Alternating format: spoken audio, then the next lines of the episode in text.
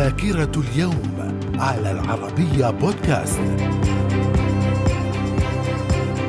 أهلا بكم إلى ذاكرة اليوم التاسع عشر من مارس. ففي العام 1799 الجيش الفرنسي بقيادة نابليون بونابرت يحاصر مدينة عكا. في العام 1877 انعقاد أولى جلسات مجلس المبعوثان وهو أول برلمان في الدولة العثمانية. في العام 1945 ناظم القدسي يقدم أوراق اعتماده للرئيس فرانكلين روزفلت كأول سفير سوري في الولايات المتحدة. المتحدة. وفي العام 1949 إعلان قيام جمهورية ألمانيا الديمقراطية الشعبية. ذاكرة اليوم. ومن ذاكرة التاسع عشر من مارس في العام 1962 وقف إطلاق النار في الجزائر بعد التوقيع على اتفاقيات إيفيان.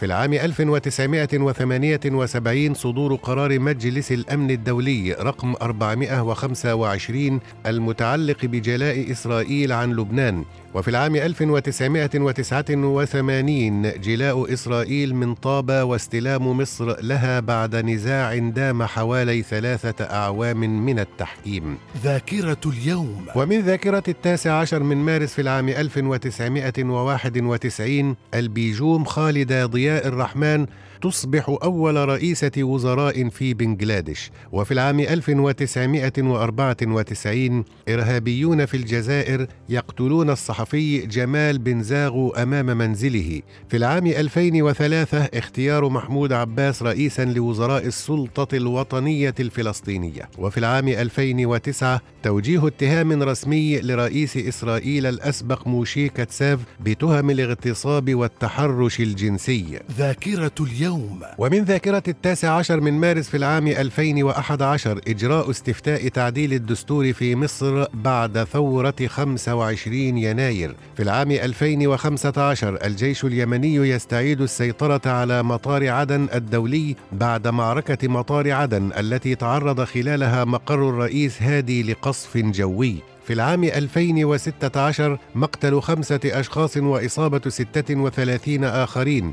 في تفجير انتحاري وسط مدينة اسطنبول. وفي العام 2016 أيضا تحطم طائرة فلاي دبي الرحلة 981 ومقتل جميع ركابها. ذاكرة اليوم. إلى اللقاء.